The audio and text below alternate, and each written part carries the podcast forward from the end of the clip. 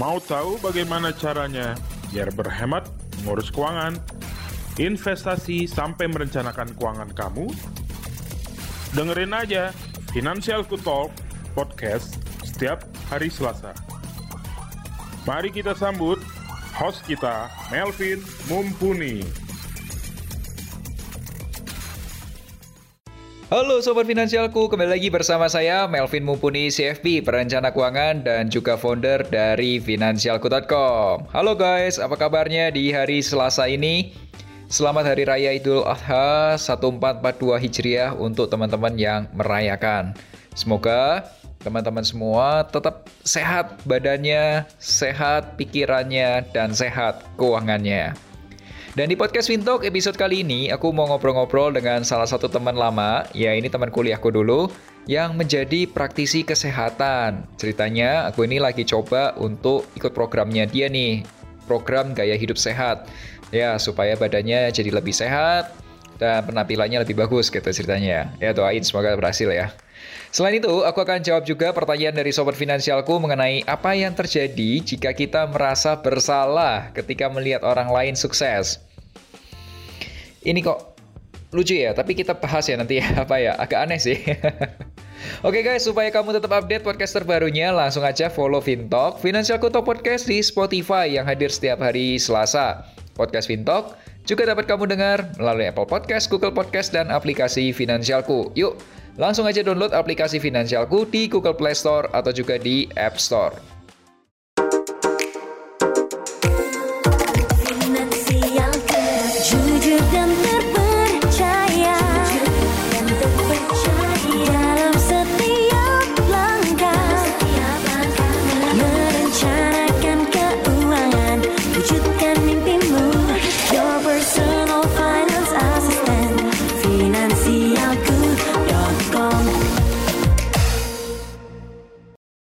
Sebelum bahas lebih detail, Sobat Finansialku juga dapat mengirimkan pertanyaan atau curhat keuangan melalui fitur konsultasi keuangan di aplikasi Finansialku dan kasih juga hashtagnya hashtag curhat keuangan. Salah satu curhatan kali ini adalah, Halo Kak Melvin, saya R dari Jawa Tengah. Gini loh Kak, saya sekarang ini investasi saham di usia muda. Puji Tuhan, sudah ada dana hampir 100 juta Pertama di saham. Nah, kemudian saya merasa kok nggak cocok ya beli saham-saham digital. Tapi saya merasa nih bersalah sama diri sendiri ketika melihat ada teman yang berhasil untung besar di saham-saham digital. Padahal saya tidak percaya saham digital itu saham yang cocok untuk saya. Sebaiknya gimana ya Kak Melvin ya? Thank you. Ya, semoga bisa dijelaskan. Oke, okay, hashtagnya let me share my view. Halo KR, thank you ya udah dengerin dan curhat di podcastnya Fintalk.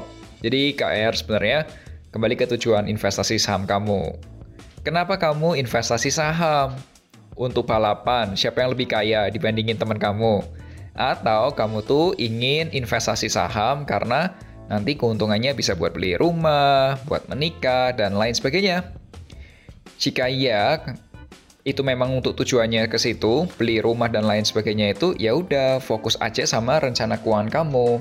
Fokus aja sama eksekusi kamu.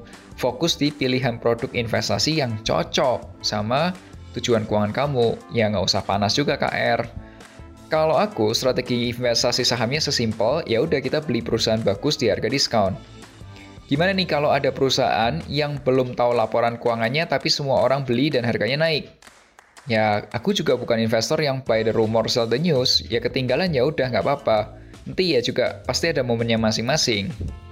Paling penting fokus sama ningkatin penghasilan aktif dan jalankan saja rencana keuangan kamu. Setiap ada proses dan semua akan indah pada waktunya. Buat sobat finansialku, para pendengar podcast Fintalk, jika kalian mengalami kegalauan mengenai keuangan, investasi, asuransi, atau apa pun itu, boleh aja langsung curhat ke podcastnya Finansialku. Caranya gampang banget, kamu download dulu aplikasi Finansialku di Google Play Store untuk pengguna Android atau juga di App Store untuk pengguna iOS. Kemudian kamu klik menu konsultasi keuangan, kasih hashtag curhat keuangan.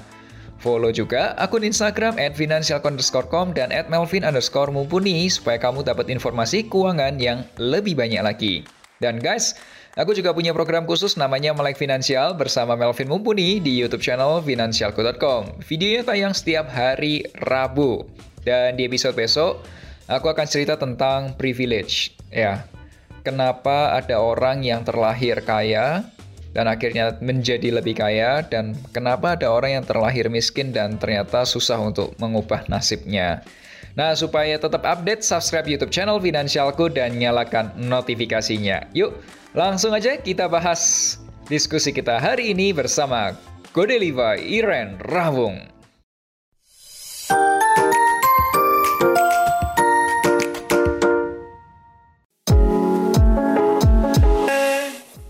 Halo Sobat Finansialku, kembali lagi bersama saya Melvin Mumpuni CV, perencana keuangan dan juga founder dari Finansialku.com. Kali ini aku akan ngobrol bersama salah satu teman yang concern tentang gaya hidup sehat. Nah, langsung aja nih kita sambut teman kita.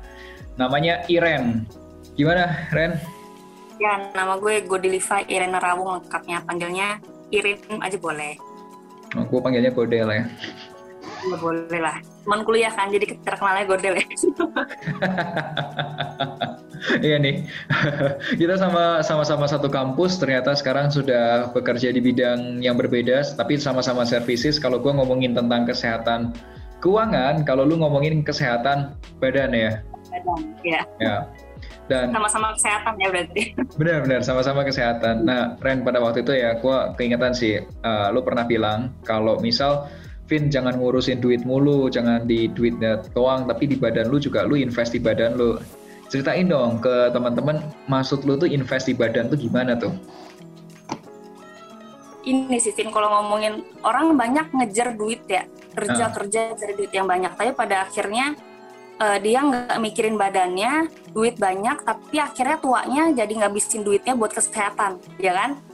Makanya sekarang gue yeah. jadi fokusnya bagaimana caranya orang-orang itu ya jangan cuma mikirin buat cari duit doang tapi jaga kesehatan juga. Karena kalau kita badannya sehat kita juga punya tenaga yang lebih banyak buat cari duit juga kan. Kalau badannya nggak sehat nggak bisa cari duit juga. Jadi sia-sia. Makanya penting banget kesehatan gitu. Eh tapi tapi kan sehat itu mahal loh. Makan diatur Betul. olahraga vitamin. Hmm. nah gimana tuh menurut lo sebenarnya ini sih ya karena kalau ngomongin sehat ya sehat mahal tapi sakit lebih mahal biaya rumah sakit kan mahal banget kan asuransi. apalagi lagi sekarang nih sekarang ya ngomongin asuransi oke okay, asuransi tapi akhirnya orang harus sakit dulu baru bisa dapet Oh iya. Gue kalau gue gini, kalau gue suka gini, kalau orang ngomongin tentang asuransi sama mending mana nih asuransi atau jaga hidup sehat gitu kan. Yeah. Kalau jaga hidup sehat itu mencegah kita sakit. Yeah. Kalau asuransi itu memang ketika asuransi ketika kita sakit itu kita nggak keluar duit banyak. Tapi tetap ada kerugian-kerugian yang nggak terhitung itu loh. Hmm. orang tua kita khawatir. Itu tuh kan nggak terhitung kan ya. Kita ngerasain sakit itu kan nggak sakit itu nggak enak. Itu jadi hmm. nggak hmm. cuman sekedar mikirin oke okay, gue juga pendukung asuransi. Walaupun gue jaga hidup sehat gue juga punya asuransi buat jaga-jaga. Ya tapi bukan berarti dengan adanya asuransi kita jadi nggak care sama kesehatan kita hmm. kayak gitu sih karena sakit itu nggak enak dan akhirnya banyak kasihan lah yang gue sih paling mikir sih orang tua sih orang yeah. itu pasti khawatir banget kan kalau kita sakit keluarga itu pasti in, kena impact banget gitu makanya harus aware sama kesehatan Eren, eh, gara-gara gue juga nonton podcastnya Deddy Kobusier. Nah, kalau hmm. Deddy Kobusier itu kan lebih banyak ngomongin tentang lu daripada ketakutan ngomong covid koda borong susu A atau mungkin ada yeah. ngapain ini itu? Mendingan lu pergi yeah, yeah. pergi latihan exercise olahraga makan yang sehat diatur jangan terlalu banyak gula tidur bener lu lebih mending deh daripada yeah, apa borong-borong susu gitu. Bener gak sih? Soalnya gue pernah apa pernah baca juga ya ada satu orang bikin artikel ini loh. Orang kalau misalnya lagi covid nih kita kalau ngomongin tentang zaman sekarang kan lagi hebohnya covid kan jadi orang tuh gimana caranya supaya cepat negatif ya? Ini mah kalau dia nggak ada keluhan banyak dulu ya. Hmm. bagaimana sih sih caranya orang biar dari positif bisa cepat negatifnya? Karena hmm. ada orang yang bisa cepat negatifnya ada yang kayaknya harus lama banget bisa sebulan Betul. bisa lebih buat negatif. Itu tuh tergantung metabolisme. Sorry tergantung gimana metabolisme. metabolisme? Karena kan kalau yang gue tahu itu si PCR itu kan dia ngecek kan di badan kita itu ada kandungan virusnya apa enggak tapi yeah. dia nggak tahu virusnya itu mati apa hidup jadi kalau dia mati belum kebuang ya tetap dihitungnya sebagai positif. Nah, gimana caranya supaya virusnya itu kebuang kan? Nah, itu perlu metabolisme, pembuangan racun. Gitu. Makanya penting banget buat gaya hidup sehat supaya metabolismenya kita bagus. Supaya kalaupun nanti positif ya cepat negatifnya gitu. Hmm. Nah, itu satu hal. Tapi sebenarnya itu banyak orang yang ketika lagi COVID begini akhirnya gejalanya berat kan. Ada. Gejalanya berat itu kan komorbid komorbid gitu kan. Ya, banyak penyakit bawah gitu kan Nah, itu tuh kan juga gara-gara badannya nggak sehat. Kalau dia maintain badannya sehat, harusnya dia nggak akan sampai bergejala gitu kan. Ya, yang aku tahu kalau ada orang diabetes atau ada sakit hmm. jantung, pernafasan gara-gara ngerokok dan lain sebagainya itu jadi komorbid untuk COVID-19 atau pemberat gitu lah ya. Betul betul. Iya betul. Obesitas kan semuanya iya obesitas. Intinya kan kayak itu tuh sebenarnya intinya pola hidup sih menurut gue diabetes hmm. itu pasti pola hidupnya nggak bener banyak makan gula lah gitu-gitu kan kalau apa ngomongin paru-paru ngerokok tuh juga gaya hidup yang nggak bener obesitas juga kan pola hidup yang nggak bener makannya banyak segala macam nggak kontrol kurang gerak gitu kan makanya jadi obesitas jadi intinya baik lagi sebenarnya ke pola hidup sih hmm. kalau pola hidup kita benar sebenarnya ya barang kita otomatis jadi sehat tapi kalau pola hidupnya nggak benar ya jadi nggak sehat makanya harus concern sama pola hidup sih Oke. Okay. Gitu. Dan teman-teman nih aku kasih tahu ya kalau Iren ini tuh uh, sebagai orang yang praktisi di industri tentang pola hidup sehat ini tuh ini ceritanya aku juga ikut ikut programnya Iren. Jadi selama tiga bulan kalau nggak salah ya 90 hari kan ya? Iya betul 90 hari. hari. Ya, gue invest di di waktu, gue invest di uang juga, tapi gue butuh supaya badan gue bisa lebih segar gitu ya, lebih sehat gitu. Bukan aku nggak tahu ya benar atau enggak ya apakah orang-orang tuh bilang kalau badan kurus itu tuh sehat dan gendut itu tuh artinya banyak penyakit gitu. Apakah definisi sehat itu sama dengan kurus gitu? Ya bukan ya. Sebenarnya kalau ngomongin sehat apa enggak sebenarnya ada yang bilang gini apakah kita sehat itu karena tidak sakit atau sehat itu benar-benar sehat? Oke. Okay. jangan sampai kita sesuatu tuh cuma karena nggak sakit doang dibilangnya sehat. Tapi kalau ngomongin ngomongin tentang sehat itu jadi gini gue belajar tentang komposisi badan okay, jadi orang itu? itu di badan kita itu kan orang tuh kadang-kadang kalau misalnya lagi ngomongin program tadi kan Mevin lagi mau ikut program jadi uh, ada concern orang itu kalau buat diet suka mikirnya itu antara dua weight loss atau fat loss Hmm. gitu kan banyak orang yang penting aduh pokoknya gue mau buang berat badan gue pokoknya sampai berapa kilo gitu kan Hmm. Nah itu tuh nggak benar. Sebenarnya badan kita itu ada terdiri dari ada airnya pasti kan, ada tulangnya, terus ada otot sama lemak. Sebenarnya paling penting itu kita maintain pola komposisi badan kita itu di di otot sama di lemak ini.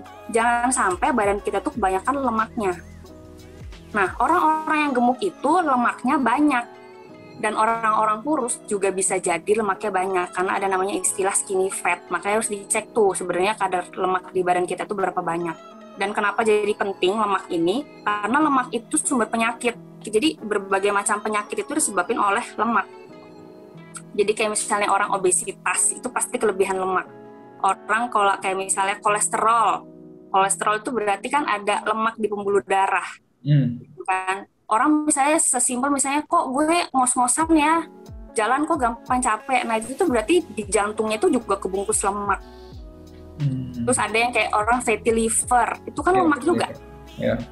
ginjal ginjal di kebungkus, kebungkus lemak pokoknya macam-macam banyak banget penyakit yang disebabkan oleh lemak bahkan kayak ada orang juga yang misalnya sakit mah GERD hmm. GERD itu tuh bisa juga salah satunya kalau GERD sih udah yang pertama itu pasti gara-gara stres sih rata-rata. Yes. Orang tuh orang tuh sakit itu gara-gara stres, makanya harus kontrol pikiran juga. Tapi bisa jadi si apa lemak ngenekan si itu lambungnya, hmm. jadi kan keluar asam lambung. Itu jadi lemak itu juga pengaruh karena banyak banget orang yang akhirnya ketika dia benerin hidupnya dibuang lemaknya, jadi yang menekan si lambungnya nggak ada kan, jadi dia lebih sehat, mahnya pun jadi berkurang. Hmm. Ya gitu, makanya perlu banget sih concern itu yang lebih ke buang lemak karena yang jahat itu lemaknya dan kita naikin sih masa ototnya supaya kita juga lebih bugar lebih sehat gitu.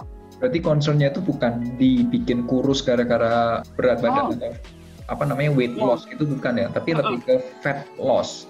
Betul. Makanya kenapa orang kurus pun bisa jadi perlu harus benerin badan karena belum tentu orang kurus itu nggak ada lemaknya, cuma nggak kelihatan aja skinny fat. Makanya harus dicek tuh. Jadi nggak selamanya ngeliat orang, oh dia kurus ya gitu. Tapi bisa jadi ketika dicek lemaknya tinggi, gitu kan harus aware juga berarti. Oh itu yang jangan-jangan ini ya kalau orang kurus tapi perutnya buncit ya?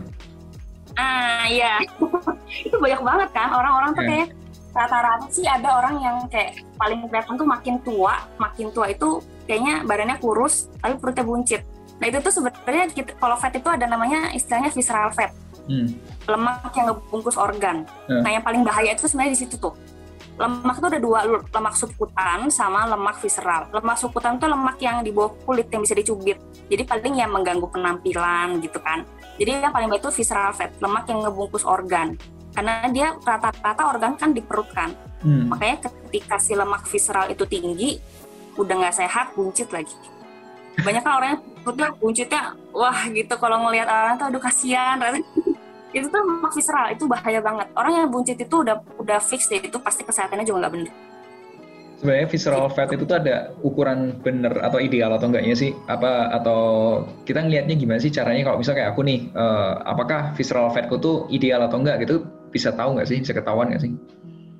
Nah itu tuh sebenarnya ada alatnya.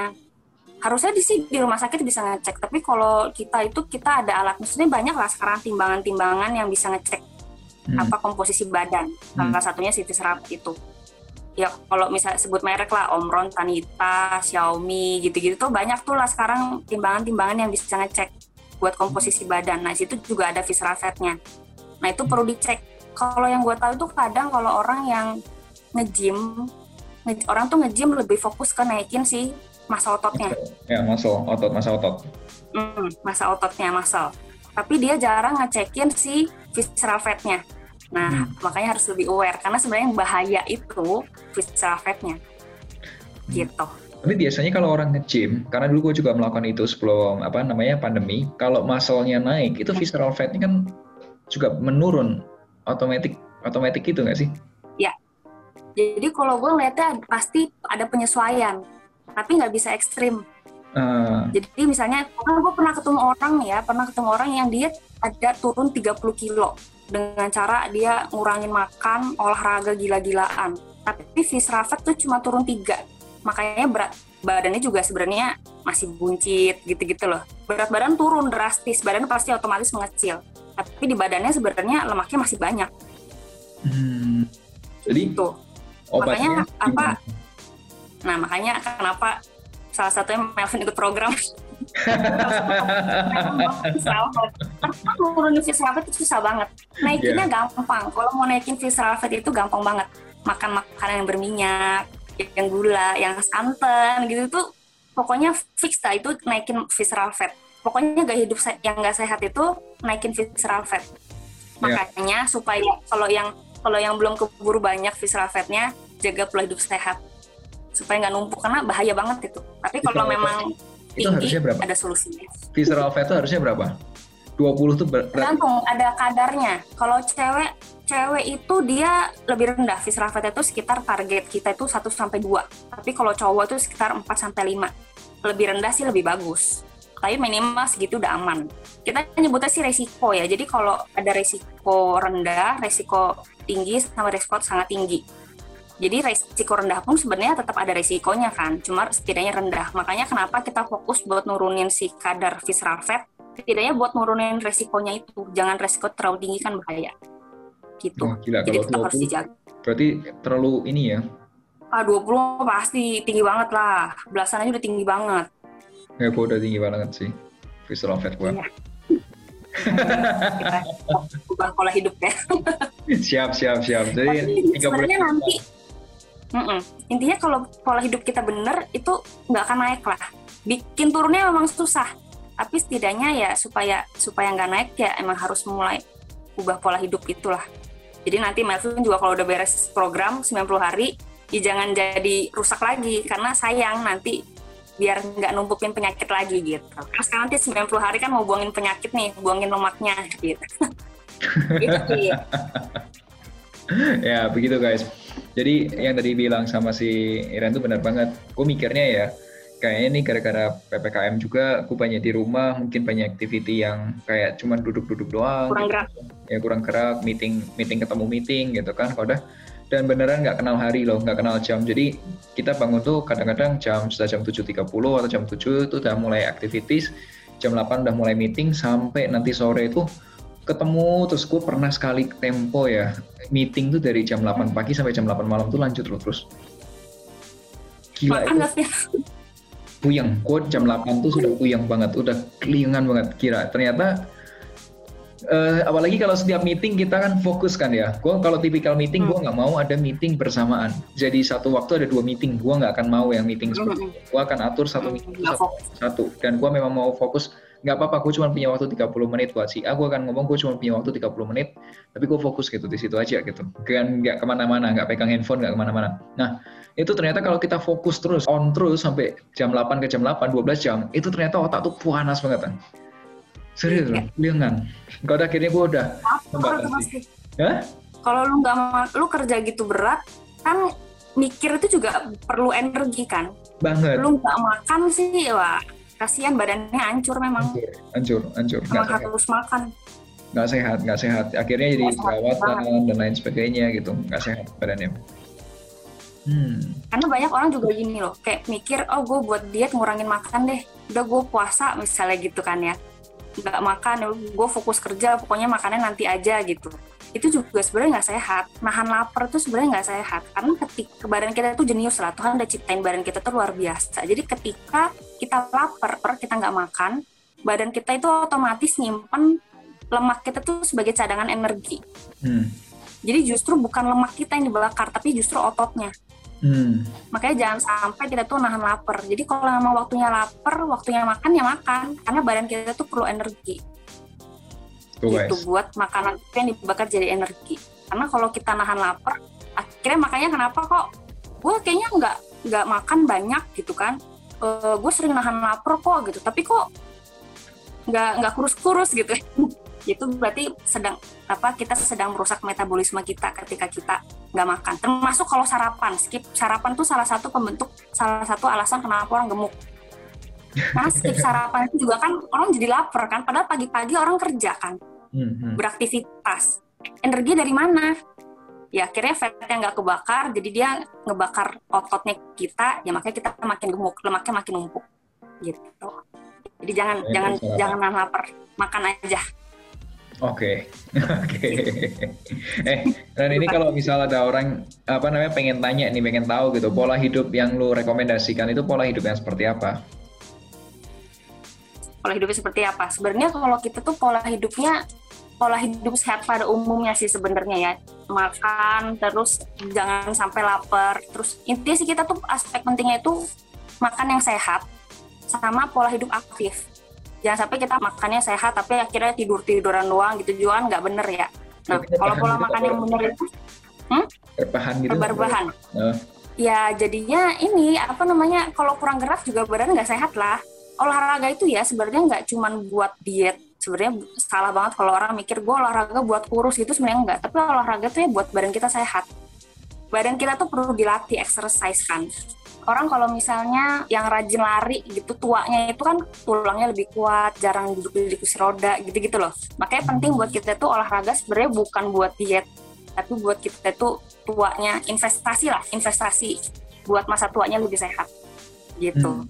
terus kalau pola makan tadi cerita apa pola makan gimana sebenarnya pola makannya yang sehat lah kayak misalnya orang Indonesia tuh kenapa sih banyak yang gemuk karena masih banyak kayak McD, KFC ya, tukang gorengan pinggir jalan, boba gitu ya. Selama banyak makan gorengan, banyak makan gula ya otomatis badan gemuk. Nah, kayak itu tuh sebenarnya pola hidup yang nggak sehat yang kayak gitu. Terlalu banyak hmm. makan gorengan. Karena gorengan itu ningkatin kalori, kalori makanan jadi tinggi. Sedangkan kan kita tuh sebenarnya ada kalori masuk, kalori keluar. Yes. Harus balance kan.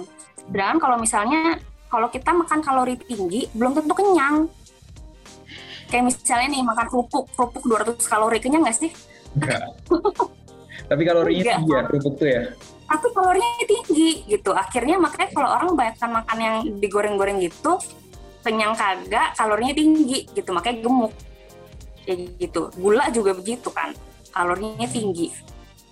Makanya ya harus hati-hati lah harus hati-hati memilih makanan yang tepat itu kayak gimana. Nggak ada yang salah kok kayak misalnya orang bilang nggak makan nasi gitu. Nasi juga penting karbohidrat itu penting kan. Karbohidrat itu kan di badan diubah jadi gula jadi energi. Yeah. tapi jangan sampai juga kebanyakan. Intinya kalau makan secukupnya lah. Gitu. Sama sebenarnya penting juga buat orang tuh makan harus makan protein gitu. Karena protein itu tuh makanannya buat otot. Sedangkan otot itu yang kalau di badan kita itu kalau di metabolisme dia akan membakar banyak kalori itu dari kerja si ototnya. Jadi kalau kita punya otot yang banyak metabolisme kita semakin bagus. Nah makanya harus banyak makan protein juga. Harus cukup lah. Berarti kalau metabolismenya bagus, berarti sebenarnya orang itu bisa dikatakan sehat gitu ya? Iya, kurang lebih begitulah faktor pasti banyak lah nggak cuma dari situ doang itu salah satu faktor lah berarti yang diperbaikin hmm. tuh kalau misal kita punya kebiasaan lama dan lain sebagainya tuh concern utamanya tuh lebih benerin ke metabolismenya kita gitu ya Yes, benerin pola hidup sih sebenarnya intinya. Ketika pola hidup kita benar, pelan-pelan metabolisme kita harusnya pelan-pelan membaik lah gitu. Hmm, hmm. I see, I see. Makanya punya pola hidup itu sih. Oke, okay. Eh, kalau nggak benar yang merusak metabolisme. Ren, ini kita udah di ujung podcast kita nih ngobrol-ngobrol kita. Ren, gue mau nanya nih, kalau seandainya ada orang yang pengen tahu sama program yang kayak gue ikutin 90 hari ke depan kayak apa, kalau udah pengen tahu tentang pola hidup sehat dan lain sebagainya, kontak keluarnya lewat gimana, Ren? Sebenarnya kontaknya ada di Instagram ada, kalau mau kontak WhatsApp langsung juga bisa. Banyaknya sih dua itu sih. Ya, namanya Instagram atau ini kalau Instagram gue at Godeliva Irene. Oh, Godeliva. Namanya ya. Yesus saya. Godeliva ya, Irene. Instagram gue kontaknya. Oke. Okay. Udah nomor WhatsApp lu yang gampang lah. Nomor WhatsApp 0819694858. 0819694858. Tuh, namanya cuma 10 angka, cuma 10 angka. Nomor lama soalnya. Jadi nomornya dikit ya namanya Iren ya guys. Nanti kamu kontak aja uh, ke Iren kalau kamu pengen tahu tentang program-program apa ya kayak hidup sehat atau program tentang ya, untuk ya. kalau misal kamu merasa pengen apa fat loss gitu ya. Fat loss betul. Ya, kamu pengen fat loss terus kamu pengen uh, lebih lebih nyaman gitu badan kamu, kamu kontak ke Bentuk Iren aja. Hmm. Intinya Aku, program yang ya itulah programnya lebih ke fat loss tapi dengan cara yang nggak menyiksa gitu. Jadi ya. enjoy karena mengebentuk habit. Karena hidup saya itu enak kok bukannya yang tersiksa gitu enggak kok. Ya ya. I gitu. believe I believe I believe. Sama seperti fin plan kalau fin plan yang benar harusnya nggak menyiksa tapi harusnya bikin kamu lebih happy. Dan yes. kita lihat ya Ren ya. Semoga kita 90 hari ke depan bisa apa ya uh, lebih better lah badannya. Dan nanti ya, nanti kita panggil lagi ya. Kita kita ngobrol lagi okay. ya setelah, setelah berhasil ya. Sip. Hari. Oke. okay. Oke okay guys, itu kita ya diskusinya kita. Uh, aku sudah menjalankan dan uh, bulan ini adalah bulan pertama yang aku coba. So let's say apa? Let's see kita lihat nanti hasilnya setelah tiga bulan seperti apa. Investasi di kesehatan itu juga lumayan. Uh, boleh dibilang boleh malah, eh, boleh dibilang mahal, tapi lebih mahal lagi kalau kita memang sakit gitu. Itu lebih mahal lagi biayanya. Oke okay guys, uh, thank you buat dengerin podcastnya kita Fintalk. Sampai jumpa di Fintalk hari Selasa depan. Akhir kata, make a plan and get your financial dreams come true.